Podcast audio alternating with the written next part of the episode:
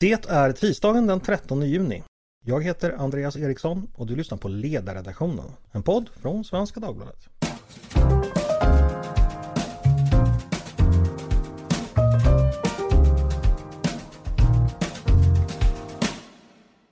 Varmt välkomna ska ni vara igen. Helgens våldsdåd i Stockholm är något jag tror påverkar oss alla. Ni vet ju vad som har hänt. Fyra människor eh, sköts ner i Farsta söder, söder, i södra Stockholm i lördags kväll. Två av dem avled, varav ett barn. Så återigen har fokus både i nyhetsrapporteringen och i den politiska debatten hamnat på det skjutvapenvåld som sedan ett antal år plågar Sverige. Vi är nog alla ganska beklämda över det här och vi funderar nog alla efter lösningar. I fjol sköt som ni vet 62 människor ihjäl i Sverige. Det är den högsta siffran någonsin, i alla fall så länge man har räknat. Och fram till den sista maj i år hade ytterligare 18 personer dödats och 41 personer skadats i landet. Sammanlagt 141 skjutningar. Det här är ju nivåer som ligger högt över våra grannländer och andra jämförbara länder. Politikerna pratar förstås knappt om någonting annat och förslagen därifrån är flera. Allt från hårdare straff till mer resurser till vapenamnestier. Men vad vet vi om vad som faktiskt fungerar på riktigt? Vilka metoder kan samhället använda sig av för att minska skjutvapenvåldet? För att minska det, det måste vi göra. Det är jag helt övertygad om. Det här är en avgörande fråga för Sveriges framtid. I Malmö implementerade man för några år sedan en internationell metod som kallas Group Violence Intervention för att försöka komma till rätta med skjutningarna där. På svenska blev namnet Sluta skjut. Eh, jag tror säkert ni har hört talas om det för det har diskuterats ganska mycket i medierna. Eh, den implementerades då första gången 2018 och nu har vi haft tid nog att eh, hinna eh, utvärdera den. Så frågan är, hur väl fungerar den? Fungerar den alls? Kan den vara en del av lösningen även för resten av Sverige? Och om så, på vilket sätt? Det tänkte jag vi skulle prata om idag och tillsammans med mig idag så har jag en av dem som, som för BRÅs räkning utvärderat metoden, nämligen Caroline Mellgren, blivträdande professor i kriminologi och lektor vid enheten för polisiärt arbete vid institutionen för kriminologi vid Malmö universitet. Välkommen hit Caroline! Tack! Om vi bara börjar från början. Eh, Group Violence Intervention. Vad är det sammanfattningsvis för någonting? GVI som det förkortas handlar eh, men kort om att eh, man ska identifiera de mest våldsamma individerna och grupperna i en stad eller i ett område. Och den här strategin genomförs gemensamt i samarbete mellan olika aktörer som socialtjänst, kriminalvård, polis och civilsamhället. Och när man då har identifierat de här eh, individerna och grupperna så består strategin av tre kärnkomponenter. Och den första handlar om att förmedla ett tydligt budskap om att eh, våldet måste upphöra. Vi vill inte att du ska dö och vi vill inte heller att du ska döda någon. Och det är detta då som är själva interventionen. Mm. Men om någon i gruppen då begår ett våldsdåd så kommer hela gruppen att mötas av eh, sanktioner.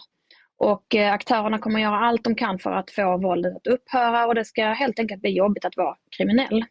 Och det är den andra kärnkomponenten, att mötas av snabba, kännbara, förutsägbara konsekvenser. Och här är då tanken att grupptrycket ska verka för strategin. Och den tredje kärnkomponenten handlar om att erbjuda hjälp och stöd åt den som vill lämna kriminaliteten. Och sen därutöver så ingår då delar som handlar om att engagera lokal civilsamhället och, och påverka normer och inställning till våld i samhället. Mm. Det låter ju väldigt logiskt att arbeta med den typen av incitament eh, för en lekman i alla fall. Eh, vem har kommit på det här då? Var kommer strategin ifrån? Den eh, tillämpades först i Boston på 90-talet och har utvecklats av professor David Kennedy som arbetar vid John Jay College i New York. Och som stöd för implementeringen i olika städer så finns ett Ehm, en organisation kan man säga som heter NNSC, National Network for Safer Communities, som då samlar kunskapen kring den här strategin och för den vidare. Och, och strategin bygger på, på fokuserad avskräckning, det vill säga att just rikta in sig mot de mest våldsamma individerna och grupperna. Och, och på så vis är den inriktad och fokuserad och eh, eh just att förmedla då att våld kommer att mötas av konsekvenser för, för hela gruppen. Och kan du bara säga någonting kort om internationella erfarenheterna innan strategin kom till Sverige? Hur ser de ut? Vet vi det? Har, har det utvärderats på något sätt? Finns det någon, om man tittar på det? Det finns en hel del eh, kunskap från framförallt USA där den har implementerats på flera ställen. Och utifrån de här samlade erfarenheterna så ger, eh, ger det strategin stöd för att den fungerar för att minska det allra grövsta våldet. Den har provats för eh, Eh, drogmarknader också exempelvis men visat sig fungera bäst mot eh, skjutvapenvåld eller det grova våldet i eh, avgränsade geografiska områden. Den har implementerats i ett fåtal europeiska städer, blandat resultat och det pågår fler eh, implementeringar runt om i Europa för att bygga upp en europeisk kunskapsbas också kring det här. Mm. Ryan Reynolds here from Mint Mobile. With the price of just about everything going up during inflation, we thought we'd bring our prices down. So to help us, we brought in a reverse auctioneer, which is apparently a thing. Mint Mobile unlimited premium wireless. Ready to get 30, 30, bit to get 30, bit to get 20, 20, 20, bit to get 20, 20, bit to get 15, 15, 15, 15 just 15 bucks a month. So, Give it a try at mintmobile.com/switch. slash $45 up front for 3 months plus taxes and fees. Promo rate for new customers for limited time. Unlimited more than 40 gigabytes per month slows. Full terms at mintmobile.com. Och sen den, den, stora frågan då. Eh, när, ni har ju utvärderat den, du och din kollega, och det var en utvärdering som publicerades av Brå. Eh, det var bara några, några veckor sedan tror jag. Vad är svaret? Hur, hur, bra funkar den i Malmö? Ja, tillsammans med min kollega Anna-Karin Ivert så har vi följt arbetet med den här strategin i princip sedan idén föddes runt 2017 och sen då därefter sen, sen starten 2018 och fram tills nu. Och Eh, arbetet övergick från eh, pilotprojekt till en del av ordinarie verksamhet i början av 2020. Eh, jag ska också nämna att under den här perioden som strategin tillämpats i Malmö så har det skett en del händelser som skulle kunna påverka resultatet. Bland annat så har den nationella särskilda händelsen Rimfrost införts. Och där samlades ju stora resurser i Malmö vi har även haft pandemin så det är svårt att med säkerhet dra några slutsatser. Men det vi kan säga är att samverkan har fungerat väldigt väl och har fortsatt att utvecklas under den här tiden.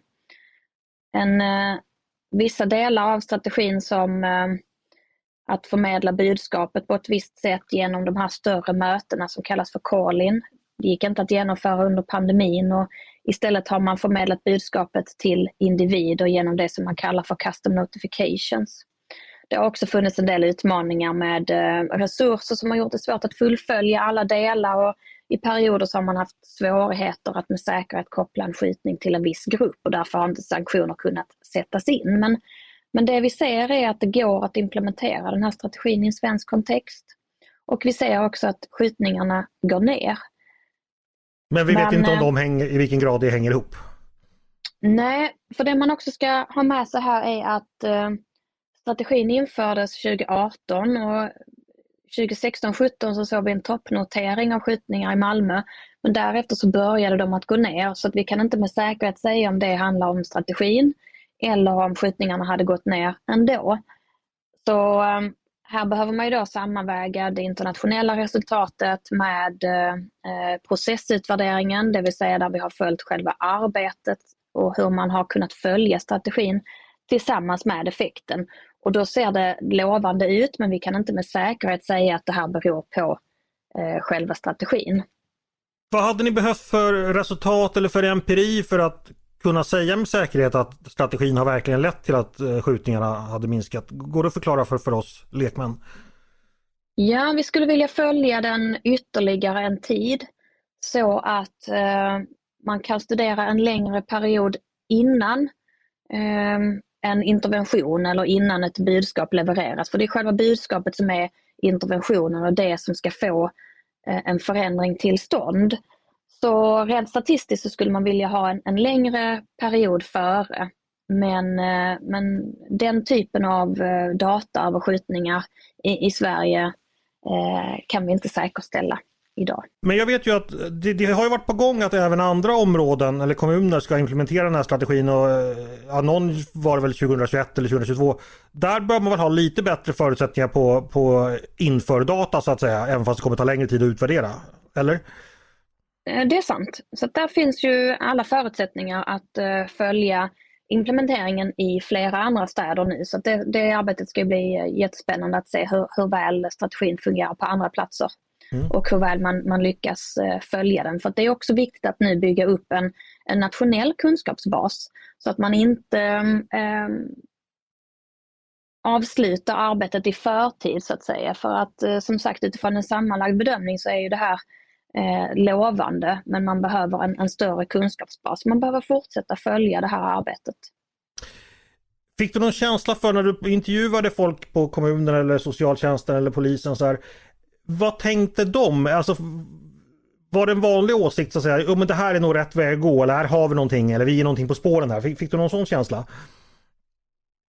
De som har arbetat med det här i Malmö har ju gjort det under en, en lång tid och man var tidigt överens om att eh, det som man hittills har gjort, det har inte fungerat så vi behöver prova någonting nytt.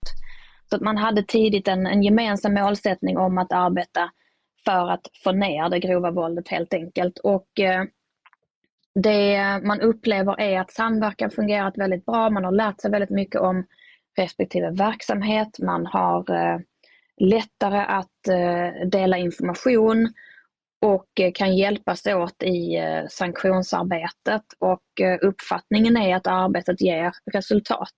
Mm, okay. men, men, om jag då ska försöka sammanfatta lite så låter det som att vad ni har kunnat se är att metoden har kunnat implementeras. Man har gjort det man skulle göra. Sen om det, det som har gjorts verkligen fungerar, det är mer osäkert på grund av ja, li, li, lite problem med metoden och problem med att man haft ganska andra betydande händelser som har säga, också påverkat. Förstår jag det rätt då ungefär? Ja, det stämmer. Det är ju jättesvårt att eh, isolera en, eh, en strategi och ett arbetssätt för det pågår så mycket annat samtidigt. Så därför behöver man göra en, en samlad bedömning av om någonting kan anses fungera. Och, um, för det, det, är svårt att säga exakt vad det är som, som gör att den här typen av fenomen förändras. Jag har all förståelse för det. Eh, er utvärdering innehåller ju också ett antal rekommendationer. Eh, vilka är det och varför rekommenderar, rekommenderar ni just dem? Ja, men en uh, utav rekommendationerna är ju att, att fortsätta följa det här såklart som jag sa. Att uh, man också fortsätter följa det på, uh, på andra platser i Sverige för att bygga den nationella kunskapsbasen. Men eh, en annan rekommendation är att man bör införa en så kallad strategiförvaltare som har helhetsperspektivet och bevakar så att man följer strategin. Det finns alltid en risk när eh, eh, efter att ha arbetat enligt en strategi under några år så finns det en risk att man börjar jobba på ett annat sätt, att man avviker lite.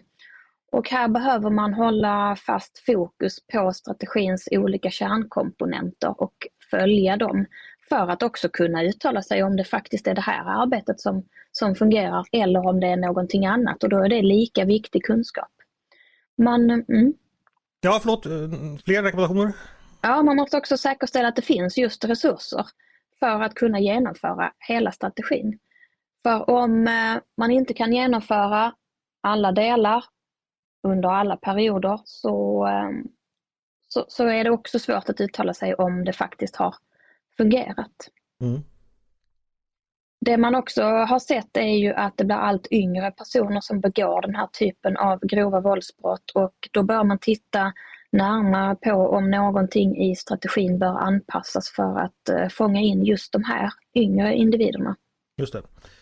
Finns det, du, du var lite inne på det, men finns det en risk att en, en sån här strategi blir, att man plockar in den formellt, man skapar alla olika instruktioner och, och, och organisationsscheman som ska finnas. Men sen så fortsätter man jobba ganska mycket som förr, för det är ju så, så att säga, man alltid har gjort. Och sen så blir det mer en, en pappersprodukt så att säga. Eh, förstår du vad jag menar?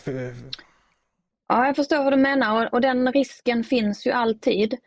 När eh, Sluta skjut infördes i Malmö så var man väldigt noga med att följa strategin och man hade handledning från den här organisationen som jag nämnde in, inledningsvis, NNSE, för att just hålla fast vid strategin. Och därför tror vi att man nu framöver bör också ha en, en strategiförvaltare som, som håller alla aktörer på samma bana och jobbar mot samma mål och håller fast vid strategin. För det här är ett arbetssätt som eh, det har förändrat hur eh, flera aktörer genomför sitt vardagliga arbete och det är värt att hålla fast vid. Det har eh, förstärkt samverkan internt inom polisen, inte minst. Ehm, ändrat fokus från individer till grupper och det är någonting som också bör föras vidare eh, nationellt. Så att man, man måste absolut bevaka att man håller fast i strategin för annars så finns det alltid en risk att när eh, projektets ursprungliga eldsjälar inte längre finns kvar så börjar man att eh, kanske glida in på andra, andra delar. Mm. Sen undrar man förstås också eh, metoder för ett amerikanskt samhälle som då eh, våldsamt skiljer sig från, från det svenska, eller våldsamt men på många sätt skiljer sig från det svenska samhället. Eh, har ni upptäckt några sådana, att vissa saker som eh, är helt enkelt för amerikanska för att funka i europeisk eller svensk kontext? Eller hur, hur har man gjort där för att, så att säga, kunna översätta det till våra förhållanden? Ja, det var ju en vanlig invändning när eh, strategin först eh, skulle implementeras i, i Malmö att det här är ju, hur ska detta kunna funka i Malmö? Det är så, så olika.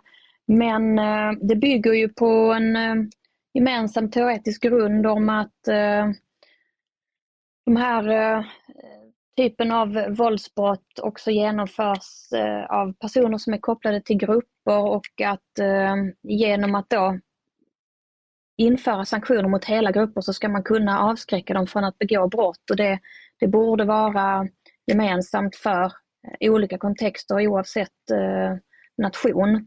Men eh, givetvis måste allting anpassas efter den lokala kontexten och därför är det också så viktigt att eh, det utvärderas både i Malmö och alla andra städer. Och i Malmö har man ju strävat efter en hög grad av programtrohet just för att kunna testa strategin. Men givetvis har man fått anpassa vissa saker efter gällande regelverk. Mm. En del som skiljer sig är ju civilsamhällets roll där um, en hel del av de sociala insatserna i USA i större utsträckning genomförs av civilsamhället. Medan det är en roll som socialtjänsten har i Sverige.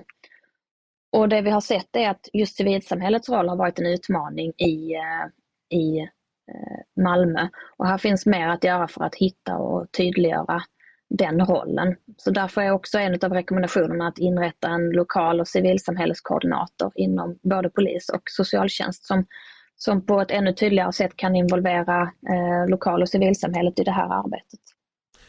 Eh, bara ett förtydligande som jag är nyfiken på. När du säger grupper som man då arbetar mot, är det gängen som helhet eller vilken, vilka grupper är det man laborerar med?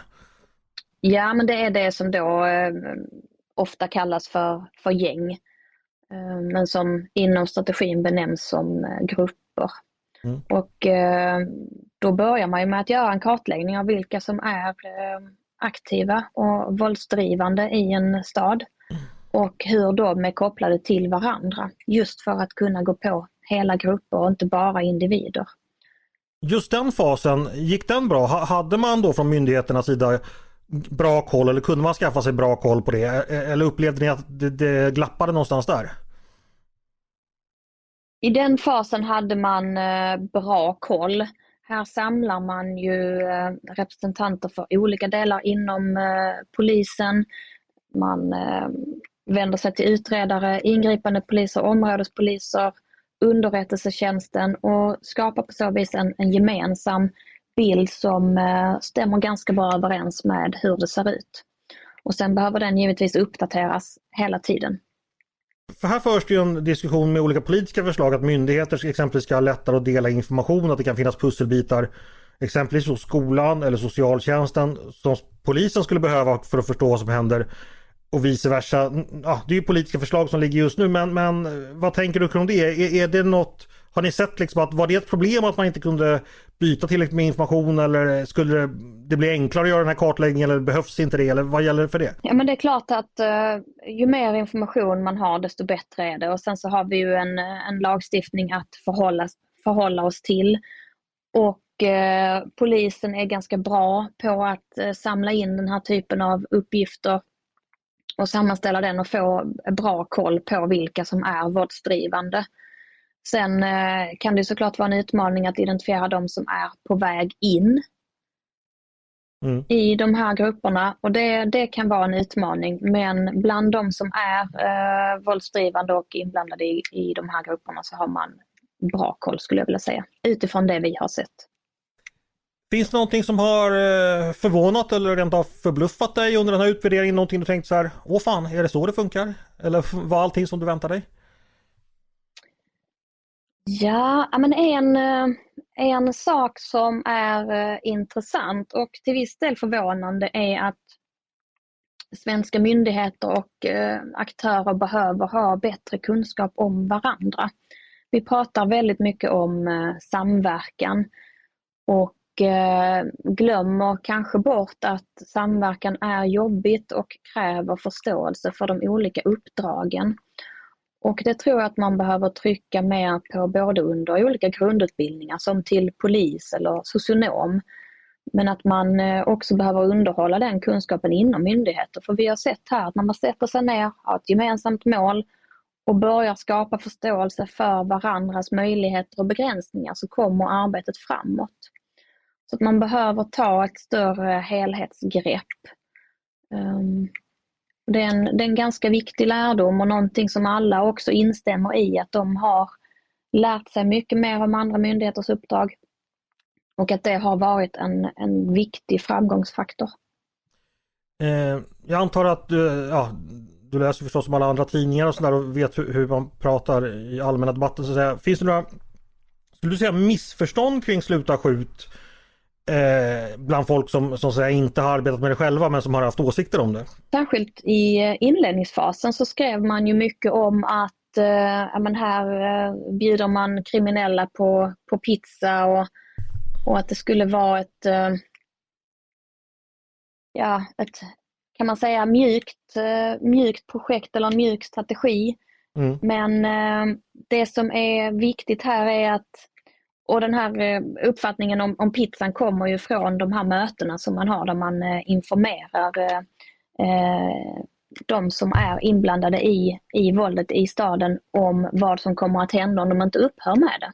Mm. Och eh, att, att man träffas efteråt är helt enkelt för att eh, samla ihop mötet och ge alla möjlighet till dialog efteråt.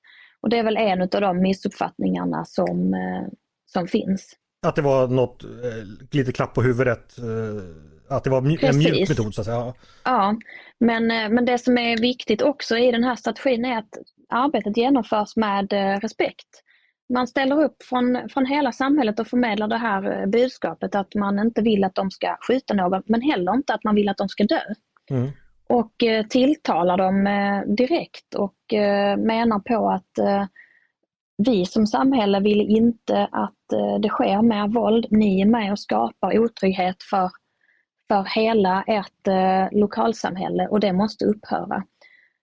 Så det, det, är också en viktig del utav det, att det faktiskt genomförs med respekt och någonting som eh, har förändrat en del av polisens arbete i alla fall. Okay. Flexibility is great. That's why there's yoga. Flexibility for your insurance coverage is great too. That's why there's United Healthcare Insurance Plans. Underwritten by Golden Rule Insurance Company, United Healthcare Insurance Plans offer flexible, budget friendly coverage for medical, vision, dental, and more. One of these plans may be right for you if you're, say, between jobs, coming off your parents' plan, turning a side hustle into a full hustle, or even missed open enrollment. Want more flexibility? Find out more about United Healthcare Insurance Plans at uh1.com. Men alltså respekt mot människor, men, men samtidigt verkar det du också vilja peka på att det är inte bara mjukhet utan det finns faktiskt sanktioner. Det finns en så att säga, om man använder tvärtom ordet hårdhet här bakom också. Att det finns en idé om att sanktionerna ska vara reella ifall man inte ja, följer med. Så, så mm. Förstår jag det rätt då? Ja, absolut. En personlig reflektion kan vara så att namnet, nu vet jag inte vem som kom på det och sådär, men det kan ju uppfattas som att Alltså på ett sätt liksom enfaldigt att det är klart alla vet att man ska sluta skjuta. Polisen ska inte gå omkring och behöva säga sluta våldta till sexualbrottslingar utan Förstår jag menar? Att det kan ha skapat en del onödigt mot, motlut i början. Jag vet inte, har, har, har ni funderat någonting på att på det namn som det blev känt under i, eller som, som det, ja, namnet som användes helt enkelt, om det hade någon betydelse? Den amerikanska benämningen från början var ju ceasefire. Mm. Och det betyder ju ungefär direkt översatt sluta skjut eller eldupphör. Mm. Så eh, namnet har jag inga, inga synpunkter på. Jag kan som då gammal PR-konsult säga att eldupphör låter lite tuffare än Sluta skjut. Eh, och om man, är man rädd för att det ska uppfattas som ja, som nidbilden ofta är av svenskt eh, arbete med ungdomsbrottslingar så kanske inte Sluta skjut. Men ja, det var ett bispår. Mm. Eh, vad tror du, eh, kommer GVI och Sluta skjut ha en roll i det framtida arbetet i Sverige nu när eh, ja, alla politiker och eh, alla poliser och alla pratar om att vi måste få slut på skjutvapenvåldet? Är det någonting att gå vidare med det här? Det tror jag. Och nu sprids ju den här strategin till flera städer. Vissa är igång och vi, det, det, tar några år innan vi vet om det här har fungerat och det är klart att det kan vara en, en eh, påfrestande väntan för att se om, om det här arbetet bär frukt och man har ofta lite sämre tålamod. Man vill att det ska hända nu och det tror jag att vi alla är samstämmiga i att vi vill att det här våldet ska, ska upphöra nu. Men man måste också våga hålla fast i strategin mm. och utvärdera den ordentligt. Jag tror att det här är en, en viktig del i arbetet mot det grova våldet men det måste ju givetvis kombineras med annat som också kommer in i andra stadier. GVI kommer ju in när våldet redan har skett och för att förhindra ytterligare grova brott. Så att det krävs ju också breda och långsiktiga insatser från tidiga år för att vända den här utvecklingen. Så som?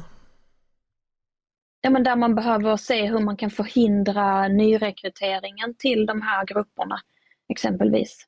Vad kan, eh, vad kan skola och socialtjänst göra tidigare och hur kan eh, den här strategin GVI anpassas ännu mer efter eh, unga personer? Eh, vet du om det är någon ytterligare eh, utvärdering på gång? För, för, för om vi inte riktigt fick alla svar den här gången då men, men att det ändå fortsätter skapas empiri där ute. När är det dags att titta på det här igen? Och, eh, har du någon eh, uppfattning om det? Alla städer som inför GVI kommer att utvärderas både när det gäller processen och effekten och framöver så kommer man också göra en nationell effektutvärdering. Om, eh, om det här införs, låt säga i tio städer, så kan man efter några år sammanställa resultaten i en eh, så kallad metaanalys och se hur, eh, hur det har fungerat i Sverige. Men, men allting tar några år. Du, en avslutande fråga lite bredare. Vad behöver ni som jobbar akademiskt med det här veta för att kunna hjälpa samhället med att komma till bukt med det här problemet? Vad, vad, behöver ni i form av resurser och redskap för att kunna liksom ge oss, alla vi som vill göra någonting, de rätta, de rätta metoderna? Det jag tror är att man måste eh, samverka mycket mer mellan akademi och praktik. Vi har olika perspektiv och olika delar att, att bidra med och de här behöver varandra. Jag tror också att eh, en, en viktig... Det, det görs många insatser eh, av olika aktörer hela tiden.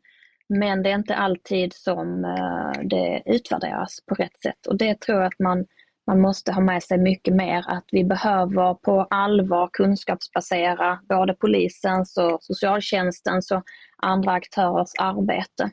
Det måste inte alltid vara en stor akademisk utvärdering men eh, man måste ha ambitionen att kunna följa upp sitt arbete och ha ambitionen att alltid arbeta efter bästa tillgängliga kunskap. Och Det tror jag att alla kan bli bättre på.